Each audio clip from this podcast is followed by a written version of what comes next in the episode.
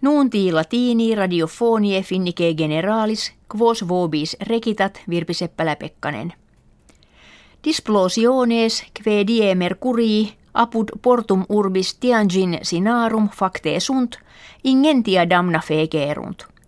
Pars regionis circum ja kentis de leta est, plus kentum homine sunt mortui, kirkiter septingenti vulneratii.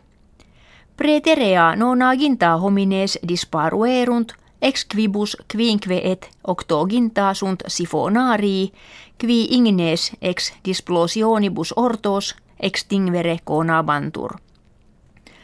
Calamitas originem habuit ex receptaculo portuensi in quo maxima copia materie toxicae et displosive conservabatur.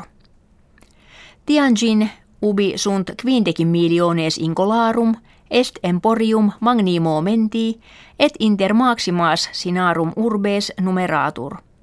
A Pekino capite sinarum kirkiter kentum quinquaginta kiliometra distat.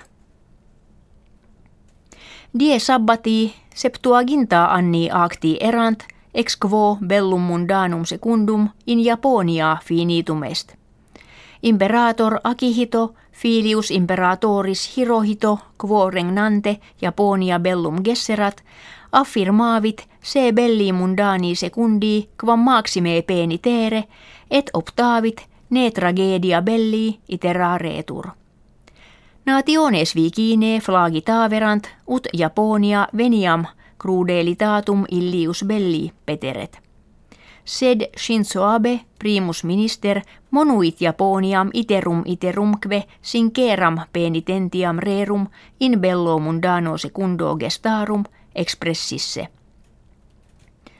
Ken sebat nullam causam esse cur filii nepotes generationesque future quibus nihil negoti cum bello fuisset adveniam petendam cogerentur.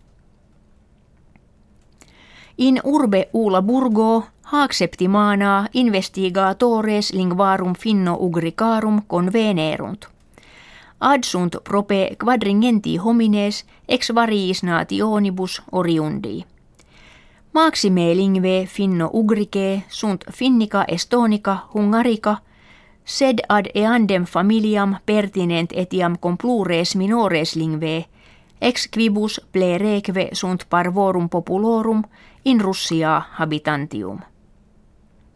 Multe ex lingvis finno-ugrikis russie decenniis preteritis omnino extincte sunt.